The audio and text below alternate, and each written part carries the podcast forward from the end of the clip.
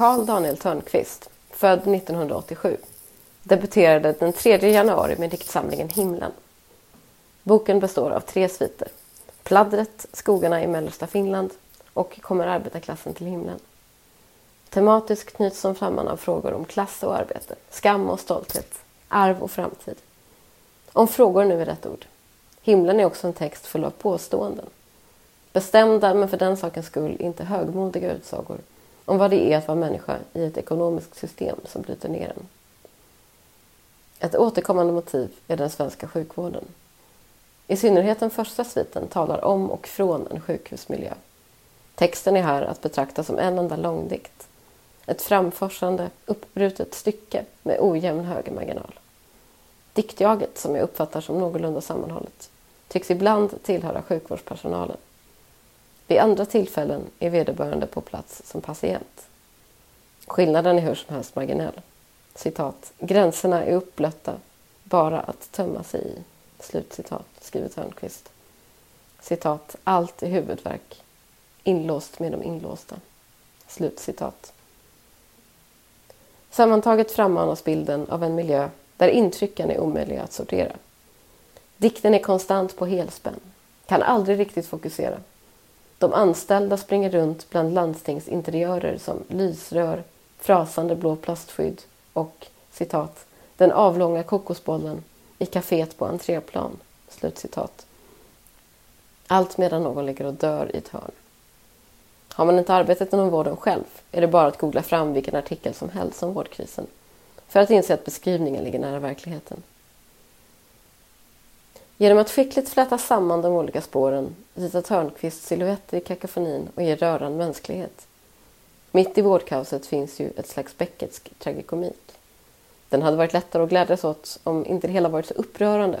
Ett resultat av huvudlösa nedskärningar och politiskt vanstyre och om de anställdas vittnesmål tagits på allvar. Istället möts de, i himlen och i verkligheten, av den ena meningslösa buzzword-workshopen efter den andra. Citat. Detta onanistiska sken av rörelse. Slutcitat. Här artikulerar dikten ett utmattat raseri vars kanter på de flesta ställen slipats ner av tristessen. Bristen på tilltro till att något kan förändras i kombination med övertygelsen om att det borde, att det vore det enda rätta, gör att till och med solidariteten känns motbjudande. Citat. Jag hatar den här solidariteten jag känner. Den är liksom bara fastklibbad, klibbig. Slutcitat. När texten blir agitatorisk dröjer det inte länge förrän den faller tillbaka i tröstlös förvirring. Citat. Men i vilket namn handlar det om? De vi vårdar åt, städar åt, slits sönder och arbetardöden dör åt. I sina egna, som de har blåst upp till gudalika proportioner. Med smoggen av ord som inte får betyda, för betyda innebär förändring. Iskalla och ironiska är vad de är. Vilken bekväm förstörelse av rubbet. Så kan de som förintar på håll, bara genom att fortsätta chefsola sig i denna babyhatiska oresonliga spotlight som fräter sönder det omkring dem först. I periferierna, på gårdarna och i portarna om kvällarna. Slutcitat. De senare, de i periferin och på gårdarna, ägnar Törnqvist stora delar av svit 2 och 3 åt. Diktjaget intar här en klassresenärens plågsamma dubbelposition. Å ena sidan vill han distansera sig från sitt ursprung och den andra känner han sig aldrig helt välkommen i de nya miljöerna, i vilka han inte heller tillåter sig att trivas. Citat. Alla de där seminarierummen med snygga marxister. Slutcitat. Heter det i pladdret. Efter att Törnqvist konstaterat citat. Jag kan inte längre skriva någon förljugen akademism. Slutcitat. Möjligen en passning till en annan arbetardiktare, Ulf Lundell, som ju höll på att skriva I den vassa äggen sjunger Jag kan inte längre skriva någon förljugen poesi. Språkets, eller rättare sagt talets förljugenhet, återkommer som motiv i hela texten. Det talade ordet framställs genomgående som tomt och lögnaktigt. Hållningen är snarare resignerad än triumfatorisk. Ett resultat av allt för många timmar i fikarum exponerad för citat pladdrets strida flod av kapitulation, kapitulation. Slutcitat. Arbetarnas motsvarighet till konsulternas och företagsledningens citat, viktiga jävla skitord, slutcitat, är det innehållslösa, förintande, mediokra kallpratet om väder, grannar och resor. Törnqvist avskyr visserligen detta pladder. Citat, jag lyssnar tills det ser ut som om jag lyssnar. Slutcitat. Men den djupare solidaritet han känner och besväras av är uppenbar. Citat, pladdret är en förblödning, rännilar ur en sårad erfarenhet som inte syns. Slutcitat, skriver han. Det är rörande, respektfullt. Och jag tänker på Stig Sjödin, de underbara porträtten i sotfragment, när en kollega beskrivs så här. Citat. Sådana som hon lever mycket tysta liv. Pladdriga, oerhört, men mycket, mycket tysta. Slutcitat. Pladdret är alltså stumt. Men det finns en annan tystnad som tvärtom förmår härbärgera sanning. Åtminstone i högre grad än det tomma pratet. En värdig tystnad, som den efter en begravning. Citat. Men kanske är det bättre att ingenting blir sagt, att ingenting faktiskt blir uttalat. Och fraserna, språkbuketterna, av det alltid redan vissnade och frasande blir givna, än att döden imiteras. Slutcitat. Ovanstående rader är hämtade från svit nummer två, Skogarna i mellersta Finland. Här består texten snarare av enskilda dikter med varierande tonfall. Fram träder nu en familj med en städande, tvättande och matlagande mamma i spetsen. Hemmet är fattigt, kanske just därför oklanderligt. Man positionerar sig på så vis mot de andra, lortiga familjerna i grannskapet. Citat. Vår fattigdom var svårare att se. Det var andra. Mjukisbyxorna med hål i och skräddarställningen.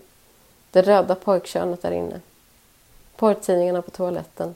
Som man bara fick titta i om man skulle skita, som hans mamma sagt. Slutcitat. En annan gestalt som uppenbarar sig i diktjagets morfar. Liksom resten av mammas familj kommer han från Finland och han och barnbarnet har inget gemensamt språk. Återigen står tystnaden för något autentiskt och kärleksfullt. Citat, vår kärlek var stum. Vi hade bara språkets haltande, i mjukt och hårt. Slutcitat. Desto mer odikt är då ådet till denna morfar. Atti, som han heter, är också namnet på en Poseidon-liknande havsgud i finsk mytologi. Varför han apostroferas i vokativ. Citat. O Ati, havsgud över Östersjön. Slutcitat. Greppet är kitschigt, fräckt, dramatiskt, men fungerar oväntat bra. Mer tveksam är jag till Törnqvists tendens att stapla bilder på varandra.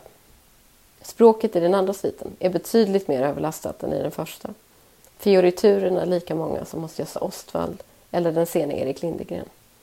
Ibland innehåller varje rad en ny metafor eller liknelse. Tyvärr blir det skärmlöst, trögflytande, kompakt. Citat. Dina enorma örsnibbar lyfte jag som fallfrukter från vår språklösa jord som är ett hav. Slutcitat. Idiomkrockarna, alltså att den första svitens pratiga vardaglighet ställs mot något tungt och bildtätt, är en sak. Det kan man respektera som stilgrepp. Men i den andra sviten får jag alltför ofta intrycket av rent slarv. Texten tycks nöja sig med att vara ceremoniellt poetisk på ett sätt som inte håller för närläsning. Ett exempel är följande stycke. Citat. Det var en särskild form av tystnad. Skonsam, väldigt olycklig. Ibland kändes den som en väntans konturer runt ingen visste vad. En knut av stum, oförmögen väntan. Att vänta ut. I mitten hölls det tomt, osagt och kliniskt rent medan det runt om oss växte. Slutcitat. Vad står det egentligen här? Först likställs tystnaden med citat, väntans konturer, slutcitat, runt citat, ingen visste vad, slutcitat. Sen är samma tystnad en knut av citat, stum, oförmögen väntan, slutcitat. Eller om denna knut befinner sig innanför konturerna. Fast då är ju deras kärna inte okänd. Var mitten, där det är citat tomt, osagt och kliniskt rent, slutcitat befinner sig, är oklart. Inuti knuten som också eller inte är en kontur. Spatiala inkonsekvenser av det här slaget drar ner helhetsintrycket och minskar tilliten till att texten vet vad den talar om. Kommer arbetarklassen till himlen, heter den tredje sviten. Här är tonfallet på nytt ett annat. Törnqvist tar på gott och ont färre risker än tidigare och skriver nu ett slags malande, snackiga, rörliga dikter. Ett enda subjekt tycks föra talan. Även om dikten befolkas av ytterligare personer. Kollegor, kanske vänner. Det fikas, städas, olika arbetsuppgifter utförs. I vilket syfte eller sammanhang framgår ej. En tänkbar fond är säsongsarbete. Citat, det finns inga jobb hemma. Slutcitat. Någon ska citat, stanna en månad. Slutcitat. Uttrycket är ännu en tagning på den hopplöshet, leda och monotoni som tematiseras i de föregående sviterna. Men jag hade önskat mig en tydligare rytm eller musikalitet att hänga upp läsningen på. Nu maler texten i stort sett på, utan någon inre dynamik att tala om. Så här kan det låta. Citat. Kom närmare och se dörren öppen och ingen inne ropar bakom kyrkogårdsmuren och somnade innan jag kom. Nu är det ju svårt att få vårdplats. Jäklas med dem och kommer upp till ytan där borta i vassen. Ån som slingrar sig genom stan blänker mellan träden. När det är rast eller så letar vi alltid upp varandra. Nerför slänten ut på bron och så över torget. Vad står du där och vinglar för? Jag trodde jag sa att du skulle lämna mig. Slutcitat. Tanken, återigen, är säkert att ge språklig form åt nonchalansen och konturlösheten som klasspositionen och det nedbrytande arbetet ger upphov till. Tyvärr fungerar det inte särskilt bra.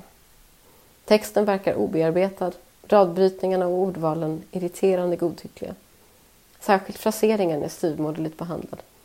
Jag förstår inte var jag ska lägga betoningen och om det överhuvudtaget spelar någon roll.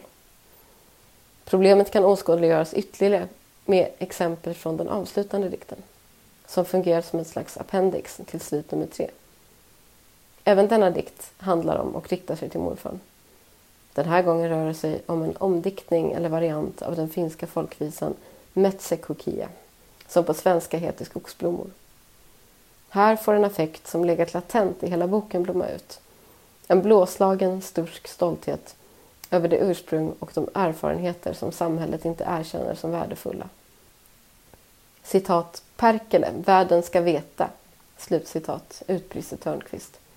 Och vädjar i lika delar, trots kärlek och motstånd, citat, kan inte alla finska städtanters trasiga leder bara lagas i min kropp och allt alkoholförgiftat blod bara renas i mitt. Slutcitat. Å ena sidan uppskattar jag det här spåret. Ömheten, värmen och den så påtagliga sympatin med de människor som diktjaget vill bärga. Och den andra gör de verstekniska villospåren att texten blir nästan omöjlig att komma in i. Vad har till exempel snedsträckan i citatet ovanför funktion? De inledande versalerna, hur ska man tolka dem? För att se om det kan hjälpa försöker jag sjunga texten till Metsekukia-melodin. Men det verkar inte heller vara tanken. Ännu en gång undergrävs diktens uppenbara kvaliteter av bristen på formell konsekvens. Mycket i himlen är bra som sagt, annat lovande. Jag tycker om dess patos, dess känsliga iakttagelser och i teorin, bitvis även i praktiken, dess språkliga dumdristighet. Men jag tror att den hade blivit avsevärt starkare om hela tredje sviten och delar av den andra helt enkelt strukits. Och om pladdret, den avsevärt mest stringenta delen, fått mogna och växa till en längre dikt. I sin nuvarande form är himlen tyvärr för spretig.